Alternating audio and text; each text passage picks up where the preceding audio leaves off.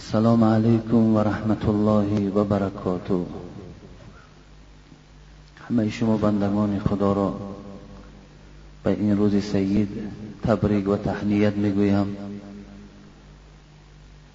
و از پروردگار خواهان او هستم که خداوند این روز مبارک را از شما قبول گرداند. و همیشه خداوند آن آرزو آن امیدهایی که در دل دارید و فضل و کرم خود خداوند برآورده گرداند. شما را و فرزندهای شما را خداوند اهل سعادت گرداند. اللهم انت سلام و منك سلام. تبارکت یا ذا الجلال والاکرام آمین. یا رب برادرای عزیز و برادرای گرامی جمعه گذشته موعظه ای که ما و شما داشتیم آیید حیات به فعالیت حضرت عمر رضی الله عنه بود. و من برای شما وعده دادم که این جمعه نیز اطراف حیات ایشان عبادت ایشان و شهادت ایشان برای شما حکایه می کنم و بعدا خدا خواسته باشد جمعه های آینده باز موعظه های ما و شما از سوال و جواب عبارت می شود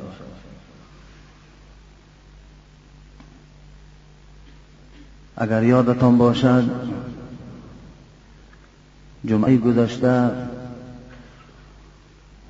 از عدالت حضرت عمر من برای شما بعض حکایه های او را آوردم. و انسان باید تفکر کند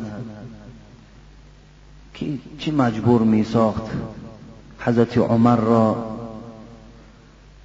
که تواضع را برای خود پیشه کند. چی مجبور می ساخت حضرت عمر را که عدالت را پیشه کند. چی مجبور می ساخت حضرت عمر را که بالای بندگان خدا با رحم و مهربان باشد؟ چی مجبور می ساخت؟ باره حضرت همراه دیگر یاران خود در صحبت رسول اکرم صلی الله علیه و سلم نشسته بود. بناگاه حبیب خدا فرمود اتدرون من المفلس؟ ای امتی مسلمان ای بندگان خدا آیا می‌دانید مفلس کیست؟ مفلس این کلمه عربی است به معنای نادار بیچاره بیکس بی سرپناه این شخصیت ها را مفلس می‌گویند. حبیب خدا پرسید می‌دانین مفلس کیست؟ اصحاب در حال جواب دادند المفلس فینا من لا درهم له ولا متاع. اصحاب گفتن ای حبیب خدا بله می‌دانیم. مفلس آن کسی هست که نه مال دارد نه متاع دارد. چیزی از مال دنیا ندارد. اینو می‌گویند مفلس. رسول اکرم صلی الله علیه و سلم گفتند ان المفلس من امتی من یأتی یوم القیامت بالصلاة والصیام والزکات.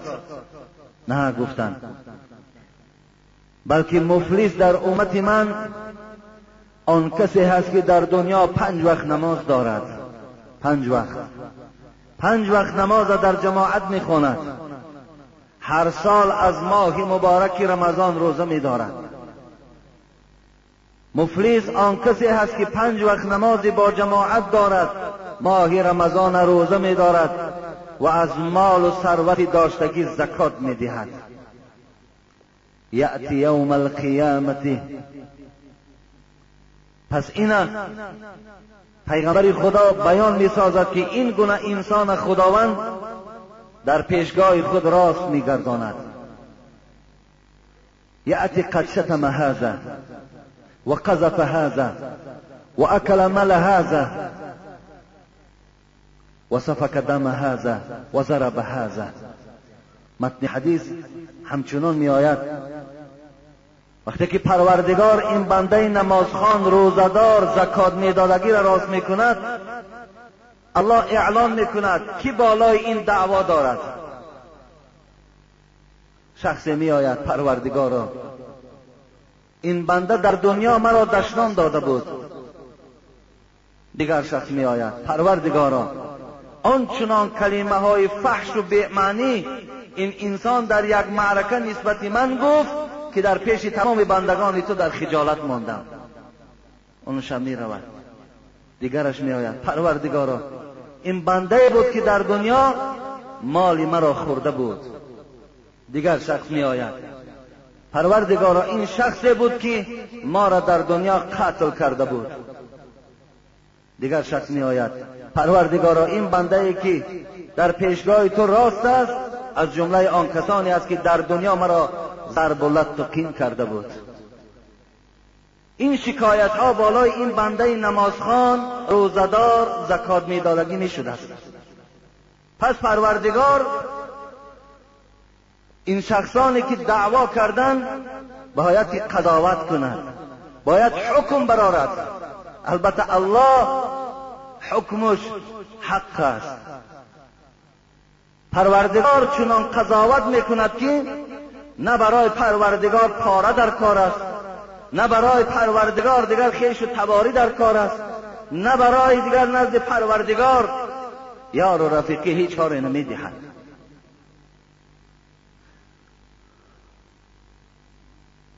و یعد هذا من حسناته و هذا من حسناته. هر کسی که شکایت کرد پروردگار از این شخص نمازخان روزدار زکات دهنده ثوابهاش را میگیرد.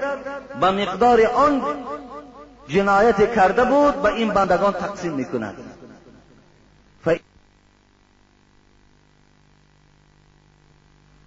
حق خود میگیرند از ثواب این مرد. فإن فنیت حسناته قبل ان یقضی ما علی حبیب خدا گفت به دعوگرها وقتی که ثواب تقسیم کردن می‌گیرند آنچنان دعواگر زیاد است که دیگر حسنات این آدم باقی نمیماند. الله اینجا چیکار می‌کند؟ اخذ من خطایاه فطرحت علی ثم طرح فی النار. رواه مسلم. خداوند حکمش عدل هست. پس از گناه های دعواگرها را می‌گیرد و در نامه اعمال این آدم میپرتاید. وقتی حسنات باقی نمان وقتی ثواب باقی نمان ملائکه های عذاب حکم می‌کند که این برده در آتش پرتاید. حضرت عمر رضی الله عنه این سخنها را میشونید میشونید که روز قیامت ما که بالای این مردم سرداری داریم رهبری داریم. اینها همه بندگان خدا حق دارند خدای نکرده بالای من روز قیامت کسی دعوا کند. اینا که می‌دانید اینا که می‌فهمید عدالت حضرت همیشه برپا نگه میداشت. حضرت عمر شنیده بود من لا یرحم الناس لا یرحمه الله. پروردگار می‌گوید کسی که به بندگان من رحم ندارد روز قیامت بالای او بنده ما رحم نمی‌کنیم. حضرت عمر اینو می‌دانست. لا یؤمن احدكم حتى يحب لاخيه ما يحب لنفسه. حضرت این از پیغمبر خدا شنیده بود. ایمان تو کامل نیست ای عمر. تا زمانی که آن چیزی را که برای خودت دوست نداری برای برادر مسلمان دوست نداری. اینها را میشونید اینا نمیگذاشت که عمر را که در حالت در سلطنت در حالت رهبری پروای مردم نکند پروای بندگان خدا نکند. همه این به آرامی او آبی چشم او شب خواب نکردن او عدالت و تواضع او انامین سخن خدا و پیغمبر بود که او را بیتاقت کرده بود. سخنهای خدا او را بیتاقت کرده بود. یکی از نماینده های پادشاه آذربایجان که اون زمان ها در زیر تصرف حضرت عمر بودند هزار و سی و شش دولت در دوره های خلافت خود فتح کرده گرفته بود. آذربایجان از آن جمله در زیر تحت حضرت عمر بود. پادشاه عربستان یک مقدار می‌گوید حلوای پخت حلوایی بود که فقط وای همون شاه ها و در یک ظرف با دست نماینده خود روان کرد. حضرت عمر وقتی قبول می‌کند حلوا را وقتی که در داخل ظرف می‌بیند می‌پرسد این چیز؟ می‌گوید این حلوایی هست.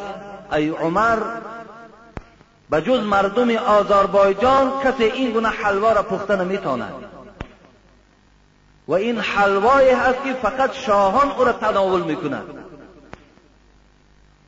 میگو وقتی حضرت عمر این شنید خیلی ناراحت شد. خیلی ناراحت شد. گو چی مقدار حلوا آوردی؟ گو مقدار می‌بینی در پیش خودت همین است این بسیار نادر است. گو رو گفت حولا را جمع کن. رو اینا گفت به مردم همون بیرون از خانه عمر هر کسی که پیش میآید باید تسلیم کن. و برای شاه آذربایجان خبر ده اگر دفعه دیگر این چونین خوراک مخصوص به نام عمر روان کند به خدا قسم جزای او را میبرارم. هر وقتایی که اگر چیزی که به عمر روان می‌کند به تمام مردمی که در اطراف عمر است برای اونها هم روان کند. این از عدالت حضرت عمر بودند وقتی می‌گوید در مدینه گرسنگی آمد قحطی آمد ناداری آمد. مردم بسیار کمبغل شدند حال مردم بسیار تباه شد. داد و وای مردم مدینه را فرا گرفت. حضرت عمر رضی الله عنه تا زمان این قحطی این تنگ دستی از مدینه بیرون نمی‌شد حضرت کلا روغن نمیخوردند صاحبای کتاب می‌گوید روده های حضرت عمر صدا می‌دادند آواز می برآوردند حضرت به جانب شکم خود می‌گفت تا زمانی که مردم از قحطی و گرسنگی نجات نیامند قسم به خدا برای تو روغن حرام است. هیچ وقت نصیب تو روغن نمی شود نصیب تو هیچ تعامی با لذت نمی شود تا زمانی که مردم از این تنگدستی و از این قحطی نجات نیابند. ببینید حضرت عمر را حدیث های پیغمبری خدا بسیاری بسیار تکان می‌داد.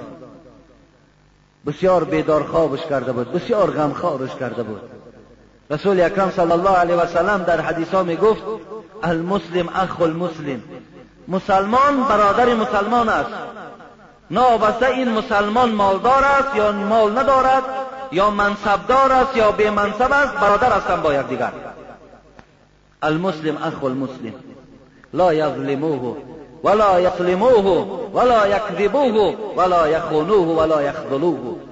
حبیب خدا میگه مسلمان برادر مسلمان است. باید مسلمان بالای مسلمان ظلم نکند. مسلمان مسلمان در دشمن تسلیم نکند. مقصد مسلمان مسلمان برده نفروشد. سیر و سودای او را در جایهایی که لازم نیست برده نرساند. مسلمان مسلمان خار نکند. مسلمان مسلمان دروغ نگوید. حبیب خدا این سخنها را می‌گفت. حضرت عمر اینها را میشنید.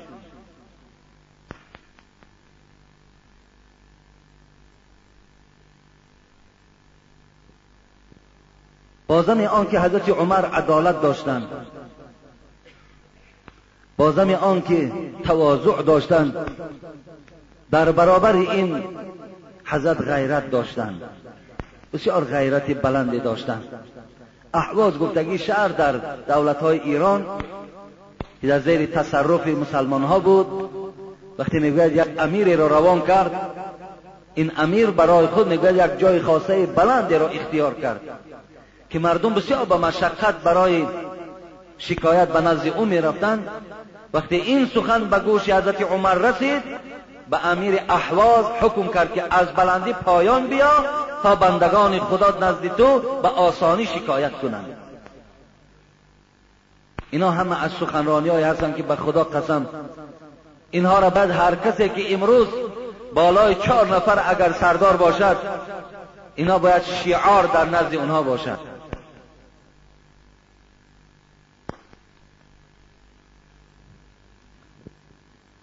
وقتی مردم مکه مکرمه انیخترش مشرکای مکه مکرمه. وقتی به مسلمان ها فشار آوردن دیگر طاقت زندگی در مکه نمان رسول الله صلی الله علیه و سلم مسلمان ها را امر کرد که به مدینه هجرت کنید. مکه را زن و فرزند خانه کسی هست نیست ترک سازید به مدینه روید. مسلمان ها در حالت خیلی وزدینی پنهانی با عذاب و رنج به خاطر خدا و رسول او مکه مکرمه را ترک ساختند پنهانی می رفتند می ترسیدند لیکن حضرت عمر رضی الله عنه وقتی که نیت هجرت کرد در خانه میگد سلاح را پوشید. لباس های جنگی را پوشید بالای اسب سوار شد و به نزد خانه کعبه آمد. تمام مشرکای عرب در داخل خانه بودند. دو رکعت نماز در نزد خانه کعبه خان گفت کسی می‌خواهد که فرزندهای او یتیم شود؟ کسی می‌خواهد که زنی او بیوه شود؟ و کسی می‌خواهد که مادر و پدر او بالای او اعزاداری کند؟ برای شما اعلان می‌کنم که الحال من عمر به مدینه منوره هجرت می‌کنم. مرحمت پیش راهی مرا گیرید تنها بود میگد برآمد به آسانی می‌گوید کسی پیش راه او را نگرفت راست به مدینه منوره نزد رسول اکرم صلی الله علیه و سلم در قصه ها می آید از غیرت حضرت عمر البته جوانای عزیز ان الله غیور یحب الغیره خداوند غیور است با غیرت دوست میدارد انسان باید با غیرت باشد آدم باید که جسور باشد علال خصوص آدمی مسلمان آدمی ایماندار به جز پروردگار از هیچ کس باید نترسد یگانه جایی که ترسیدنی هست این الله هست اگر شما از پروردگار صدقا ترسید خداوند همه همه دهشت و وحشت از روی شما دور میگرداند. اگر شما صدقا از پروردگار ترسید حیبت شما را خدا در دل دیگرها جای می‌کند. شما حیبت پیدا می‌کنید. حضرت عمر از جمله کسانی بود که بسیار با غیرت بود. باری می‌گوید یک یهودی همراه یک منافق خانه حضرت عمر در آمدند و گفتند ای عمر یهودی ابراز کرد. ای عمر گفت الحال ما نزد رسول اکرم بودیم. یک مسئله برآمده بود رسول اکرم قضاوت کردند حکم برآوردند. لیکن این منافق قناعت نکرد. گفت به نزد عمر می رویم عمر چیزی که گوید سخن عمر قبول است. حضرت عمر وقتی این شنید بسیار ناراحت شد. گفت نزد رسول اکرم بودید گفت بله بودیم گفت الحال منتظر شوید من برای شما جواب میگردانم میگه وارد خانه شد و شمشیر خود در دست گرفت. آمد میگه و گردن منافق زد. گفت این از قضاوت عمر در حق آن کسی که به حکم رسول اکرم قناعت نمی کند کسی که سخن پیغمبری خدا را گوش نمی کند در حکم پیغمبری خدا راضی نمی شود حکم عمر در حق او عنامین است حضرت عمر پایبند سنت بودند. پایبند پایبند تمام کردار پیغمبری خدا بودند. یک وجب از عملهای پیغمبری خدا دور نمیستاد پنجاه صحابه می‌گوید یک روز مشورت کردند. گفتن آخر عمر سلطنت کسرا و قیصر روم در دستش. اکثر دنیا اطاعتش می‌کند. آخر این لباس عمر را ببینید دوازده پارگی دارد. آخر خوراک او را ببینید اصلا دو خوراک یک جا نمی‌خورد. چی خوب می‌شود که آخر نزد او مهمان های زیاد میآید. رویم برای او اعلان کنیم که لباس های تازه پوش آخه لباس خوبم پوشیدن حیبت دارد. دسترخان خوب آراسته کن تا که مهمان ها آمدگی ما را شرم گیرند مشورت کردند گفتن کی می رود این سخن به عمر می گوید از بین پنجاه صحابه کسی دلاور نمی شود حیبت عمر آنچنان بلند بود که این مسلحت را به گوش عمر رسانیدن می تواند آخر مسلحت کردند که این سخن را فقط علی می تواند که با حضرت عمر گوید. می رویم با علی مسلحت می‌کنیم. وقتی نزد حضرت علی آمدن علی هم این پیشنهاد بسیار پذیرفت. لکن گفت من نزد عمر نمی‌روم. من با عمر این پیشنهاد را نمی کنم خوب می‌شد مادر مؤمن ها عایشه صدیقه را گوید. البته وی این پیشنهاد را می‌کند. وقتی نزد حضرت عایشه مادرمان آمدن که همراه حفصه دختر حضرت عمر اینم مادر ما و شماست زن پیغمبری خدا بود وقتی که این پیشنهاد کردن دختر حضرت عمر حفصه گفت پدری من این قبول نمی‌کند. عایشه گفت من پیشنهاد می‌کنم. وقتی همراه اصحاب می‌گوید نزد حضرت عمر آمدن گفتن عمر گفتن آخی سلطنت قیصر و روم در دست توست. سلطنت کشرا و قیصر در دست توست. آخی اکثریت این دنیا اطاعت تو را می‌کنن اینقدر مهمان های زیاد به زیارت تو میآیند بیا لباس های تو را نو می‌کنیم. بیا دسترخان تو را دیگر می‌کنیم. وقتی این پیشنهاد مادرمان کرد عایشه حضرت عمر می‌گوید پیش از آنی که جواب گرداند گریه کردند. خیلی گریه کردند. بعد از گریه کردن از حیات پیغمبری خدا می‌گوید یادآور شد در نزد عایشه صدیقه.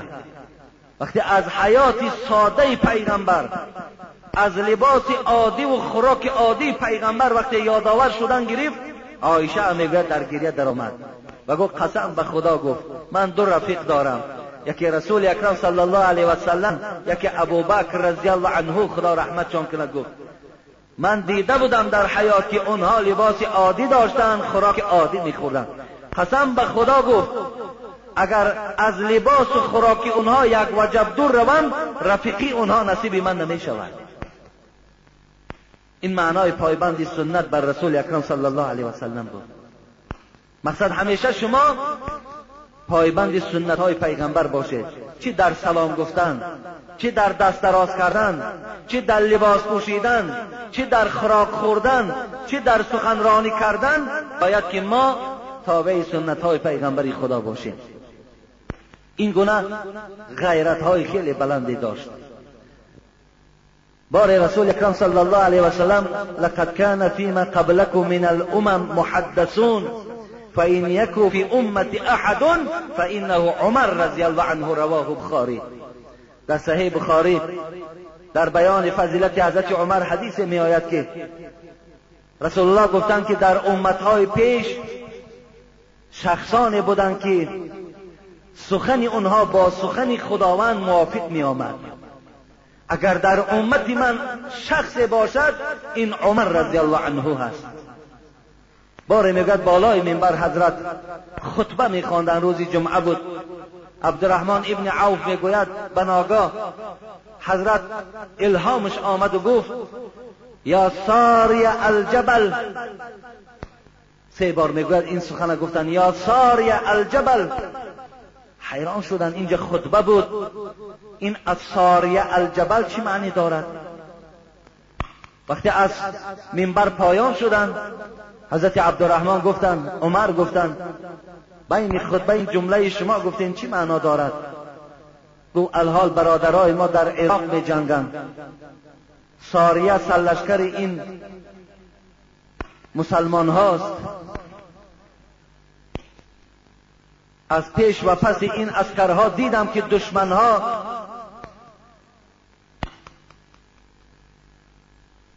پنهانند. این لشکر به طرف اونها می‌رفت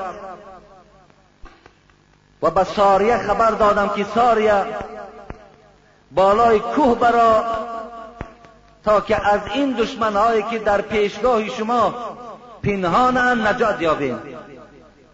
این از الهام حضرت عمر بود این از کرامات حضرت عمر بود. وقتی ساریه می‌گوید همراه لشکر گشته آمدن عبدالرحمن ابن عوف می‌گوید من پرسیدم ای ساریه یک بار حضرت عمر همین سخن گفته بودند. تا چه اندازه این حقیقت دارد؟ گفت قسم به خدا در همون وادی عراق ما صدای عمر را سه بار شنیدیم که ساریه بالای کوه برا ساریه بالای کوه برا. این حضرت رسول اکرم صلی الله علیه وسلم در حق حضرت عمر گفتند که اگر هم کلامی با خدا با کسی نصیب شود با عمر رضی الله عنه نصیب می شود شخصی می‌گوید برای زیارتش آمدن و ناگاه پرسیدن عمر کجاست؟ هر یک زیارتی فکر می‌کرد عمر یک قصر دارد پاسبان ها دارد لیکن عمر پاسبان نداشت. گفتن بینون شهر استراحت رفته است. این شخص می‌گوید من آمدم. آمدم نگاه کردم. در زیر یک درخت یک چادر پرتافتگی و حضرت عمر زیر درخت خواب است.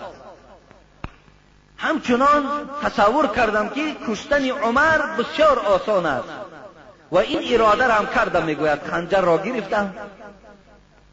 و مقصد من هم می‌گوید قتل حضرت عمر بود. وقتی نزدیک آمدم به ناگاه می‌گوید دو شیر بالای من هجوم کردند. آنچنان می‌گوید فرار کردم داد گفتم که عمر از خواب بیدار شد.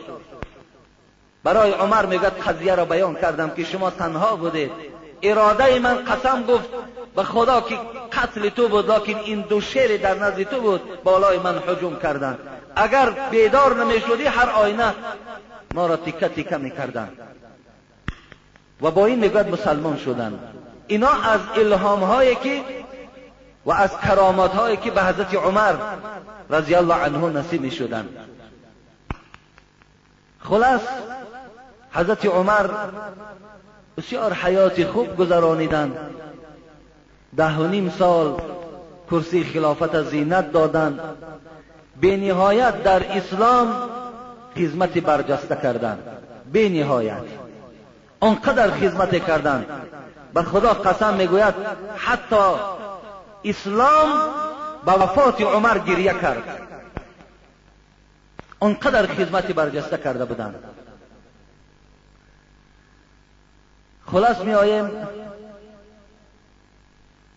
به شهادت حضرت عمر رضی الله عنه که حضرت چگونه جان جان به حق تسلیم کردند. این دوست خدا از دست کی کشته شد؟ وقتی که ایران فتح شد سلطنت کسرا چپه کرده شد. وقتی روم شکست خورد این طرف عراق سوریه شام فلسطین همه شکست خوردن میسر تمام مردم همه رهبرها مردم مسلمان. روز به روز مسلمان ها قوتشون زیاد می‌شد تمام دولت هایی که وجود داشتند اونها را حیبت مسلمان ها فرا گرفته بود. علا خصوص حیبت حضرت عمر.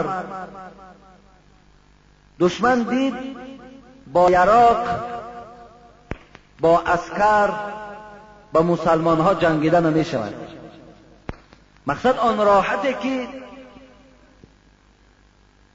شاه ایران داشت یا شاه روم داشت اون راحت ها از دست اونها ما اونها اسیر مسلمان ها شدند اگر چنده که در لباس آدم مسلمان در آمده بودند لیکن زیر دل اونها نفرت به مسلمان ها داشت. مشورت کردند مصلحت کردند. گفتند تا زمانی که ما دستنگر مسلمان ها نبودیم تا زمانی که ما خودمان سروری می‌کردیم چه راحت های زیاد داشتیم. امروز همه ما مطیع مردم مسلمان شدیم. دیگر لشکر نداریم قوه نداریم که با لشکر اسلام جنگ کنیم. نداریم قوه. خوب می شود که بیاید سر میز مدور می نشینیم و نقشه می کشیم نشستند نقشه کشیدن. یگانه نقشهشان این بود که باید که عمر رضی الله عنه کشته شود. اگر عمر رضی الله عنه کشته شد تمام مسلمان ها پراکنده می شوند دیگر ما می توانیم که در بین اینها روز به روز فتنه های نو جنگ های نو برپا کردن گیریم. اینها وقتی که بین خودشان فتنه شد بین خودشان که اگر جنگ آغاز شد همون مطل تاجیکی ما و شما چوب از داخلی خودش یا کرم از داخلی خودش یک مطل داریم. در داخل جنگ می شود در بین مسلمان ها جنگ می شود نقشه را کشیدند هرمزان که با دست ابو موسی اشعری شکست خورده بود در ایران مسلمان شد. مسلمان شد لکن وی مسلمان نبود. وی در زیر گویم در باطین علیه مسلمان باید مبارزه برد. اینچنین سعد ابن ابی وقاص جفینه مسیحی رو هم برای تعلیم دادن مدینه روان کرده بود و این مسیحی بود و این مسلمان نبود. اینچنین وحبه ابن منبه و اینچنین عبدالله ابن سبا یهودی بودند دیدن حضرت عمر یگان پاسبان ندارد. شب دراز از حال رعیتش خبر می‌گیرد. گفتند قتل کردن عمر بسیار آسان است. بسیار آسان است. مشورت کردند یکی از مجوسی های آتش پرست ایرانی را به نام ابو لؤلؤ مجوسی که انختر نامش فیروز بود برای قتل عمر تیار کردند برادر عزیز و گرامی دشمن با یراق نجنگید. دشمن با لشکر نجنگید. فقط توانست که در لباس آدم مسلمان درآید و در بین مردم اختلافات بیدار کند. در بین مردم مسلمان می در صورت مسلمان است. پنج وقت نماز همراه تو می‌خوند روزه ماه رمضان می دارد در کار شاید برای شما موعظه می‌کند لیکن اونها مقصدشون دیگر است. فهمیدن که با این راه ما مسلمان ها را شکست داده می توانیم این نقشه را کشیدن. شما نگاه کنین. تاریخ وقتی می‌خوانین حضرت عایشه مادرمان با لشکر خود با علی رضی الله عنه جنگیدند در بعض روایت آمده است در بین جنگ حضرت مادرمان عایشه با علی سیزده هزار مسلمان قتل شده است. اینجا عایشه نجنگید اینجا علی نجنگید. اینا حالا که مذاکره کردن با یکدیگر خوب شدن. لکن قوه سیوم اینها را جنگ انداخت. حضرت علی حضرت معاویه جنگیدن.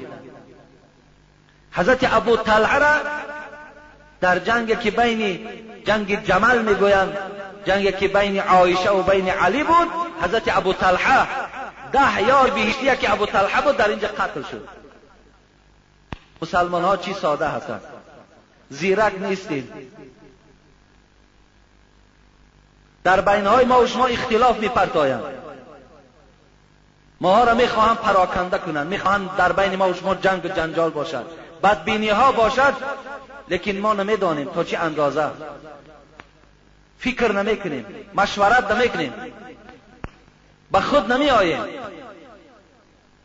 برای یک عادی ترین مسئله در بین آدم مسلمان اختلاف است. جنگ من می اندازند بیدار نمی شوید پیشگیری نمی کنید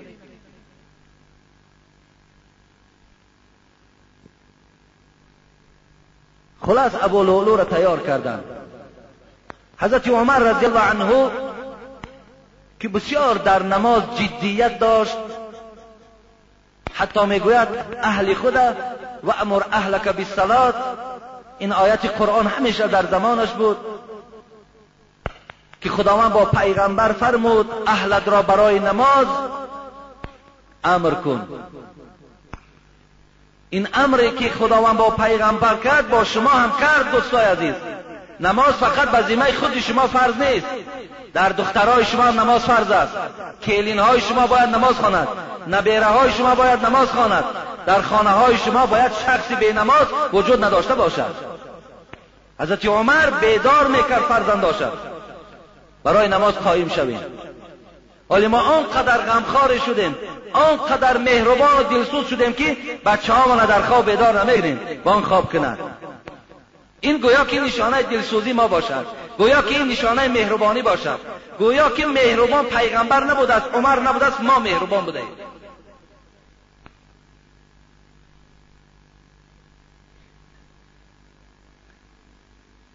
حضرت می‌گوید دره در دستش بود هر شخصی را بیدار می‌کرد سحر و می آمد در مردم امامتی می‌کرد. این ابو لولوی مجوسی یک کینه هم نسبت حضرت عمر داشتند بار می‌گوید نزد حضرت عمر آمد گفت همین شعبه ابن مغیره که خوجین من است از من بسیار مبلغ کلان می‌گیرد. برای شعبه خبر بیده که از من مبلغ کمتر گیرد. حضرت عمر می‌گوید پرسیدم ای ابو لؤلو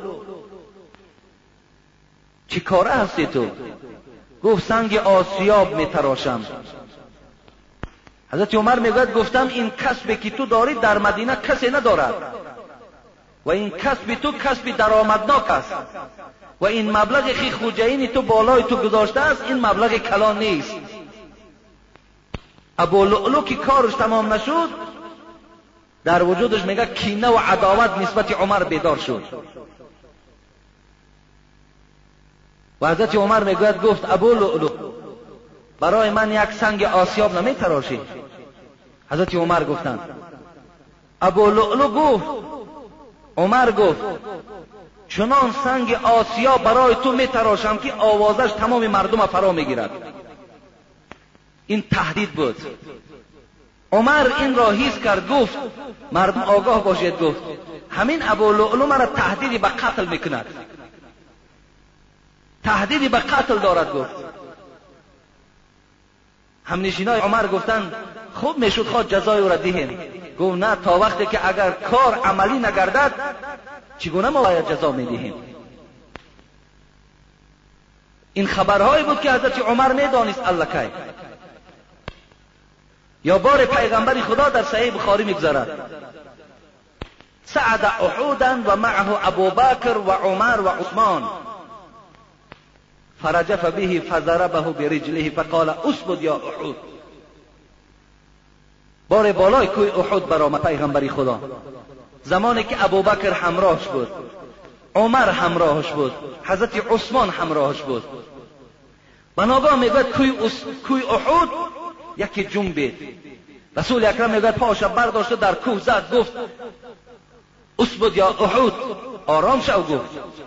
در بالای تو یک پیغمبر است یک صدیق است و دو شهیدی در راه خدا هست. زمانی که عمر زنده بود زمانی که عثمان زنده بود.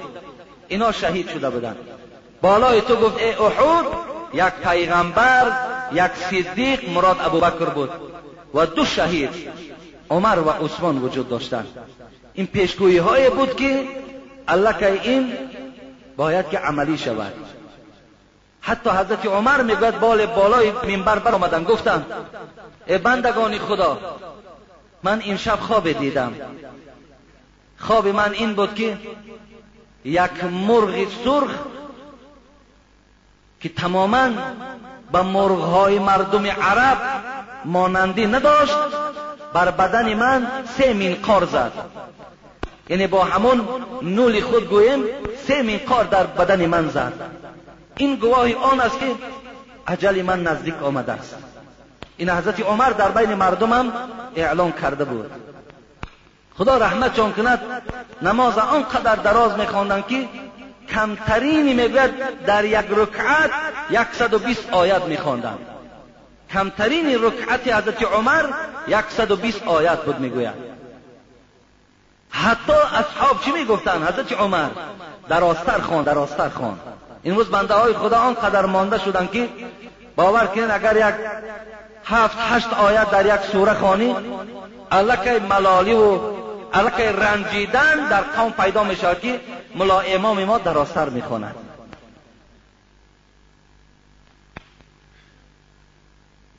خلاص می‌گوید حضرت عمر مردم بیدار کرده می آمد و داخل مسجد در آمد. مردم مسلمان همه را صفها را راست کرد صفها را جوز کرد و خودش می‌گوید پیش در آمد. پیش در آمد. ابو لؤلوی مجوسی همون سحر می‌گوید نزد محراب پنهان بودند.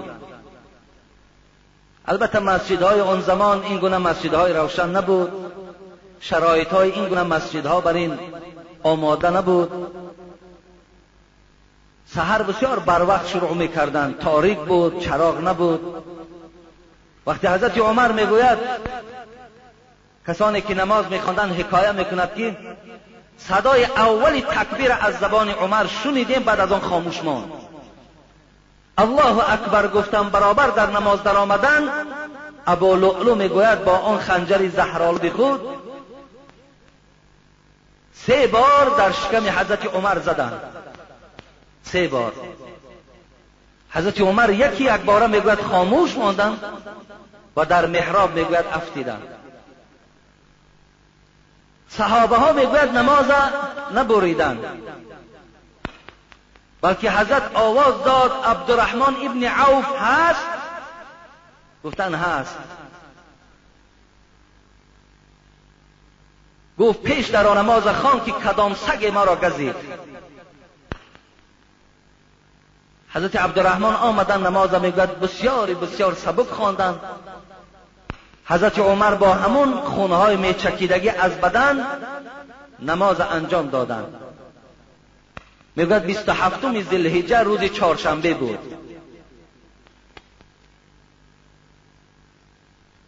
ابو لؤلو که صفها می‌گوید بسیار مستحکم بودند آیا در پهلوهای ما و شما کمتر اگر پهلوهامان تنگتر کنند اگر کمتر جوستر ایسته ما ناراحت میشیم.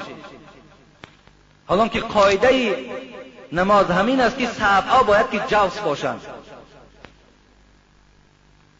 ابو لؤلو می‌گوید صفها که مثل دیوال مستحکم بود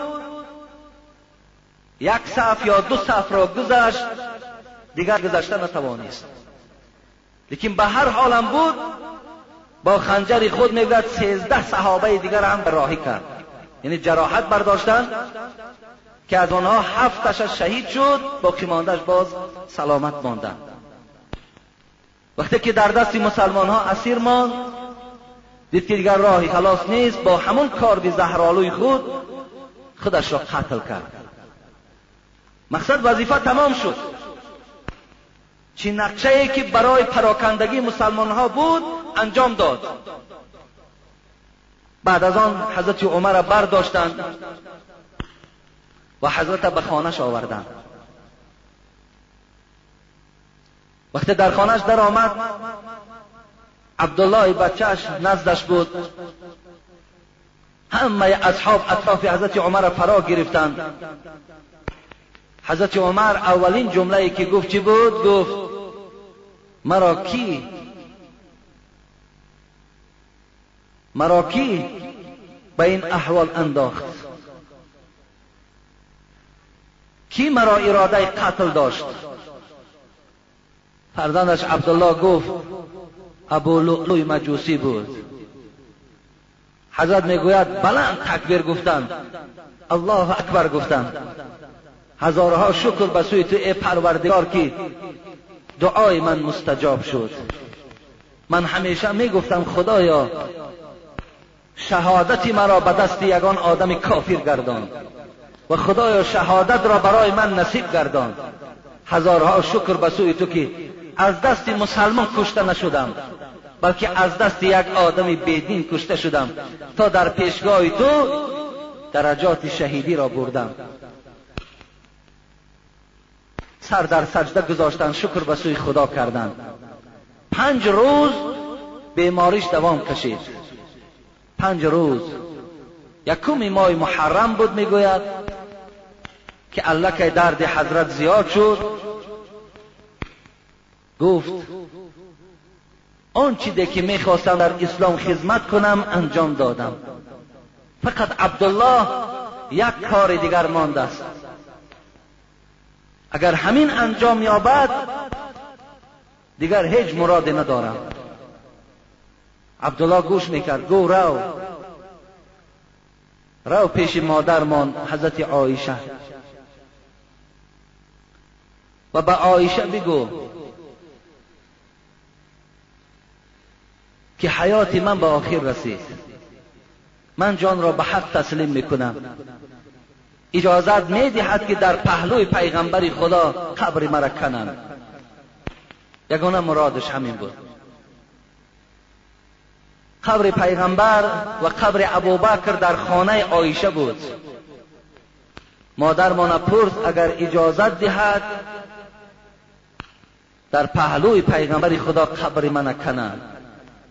زیرا که همیشه من در حال حیاتی پیغمبر و ابوبکر همراه ایشان بودم.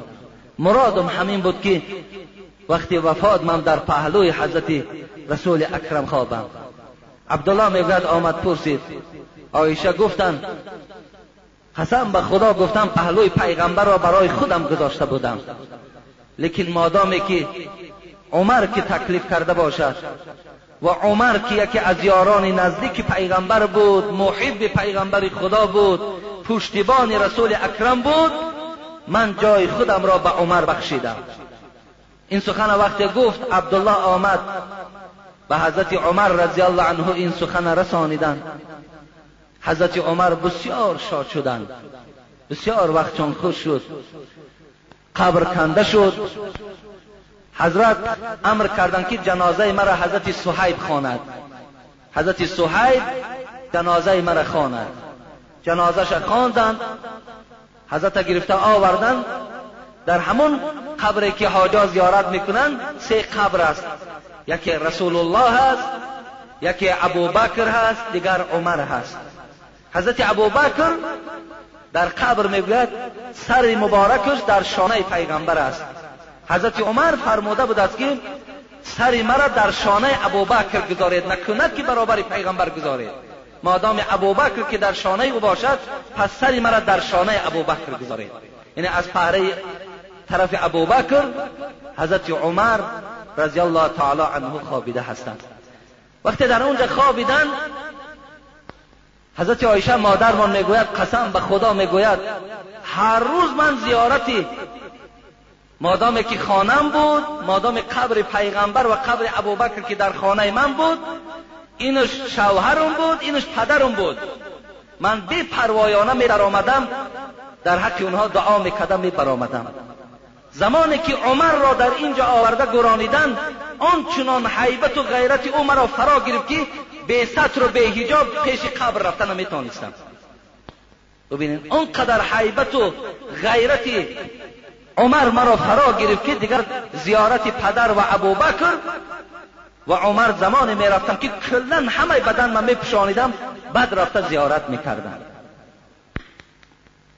این بود از حیات حضرت عمر رضی الله عنه. فقط ما این گفتنی هستیم که خداوند رحمت و مغفرتش گردانه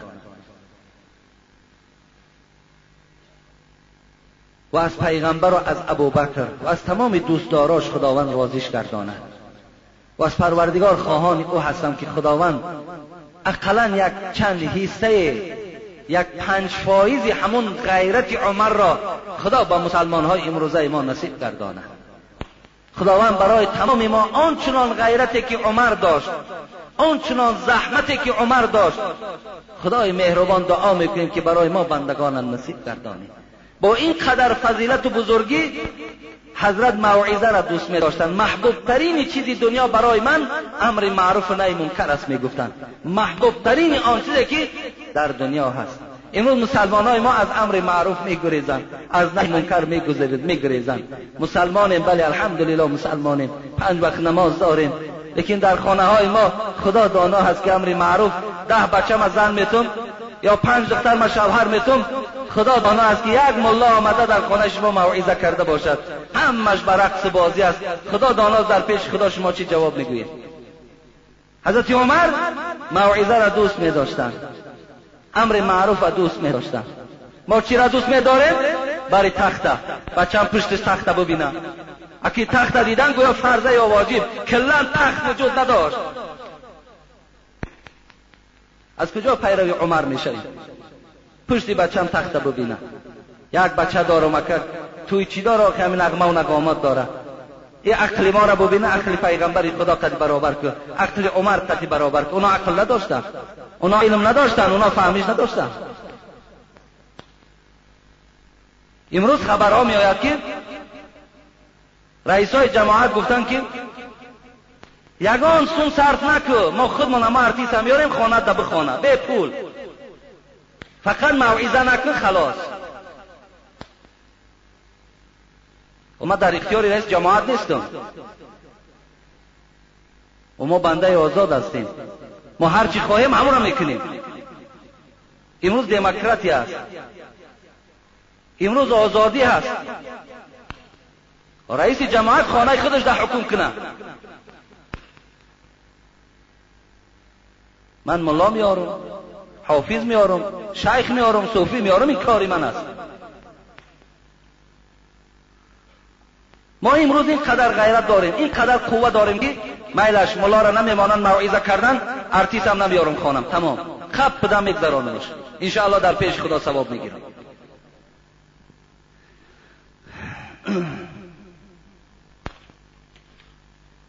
خداوند همه ما و شما را در حفظ امانش نگه دارد. یک چند برادر را خیر احسان کردن جمعه گذشته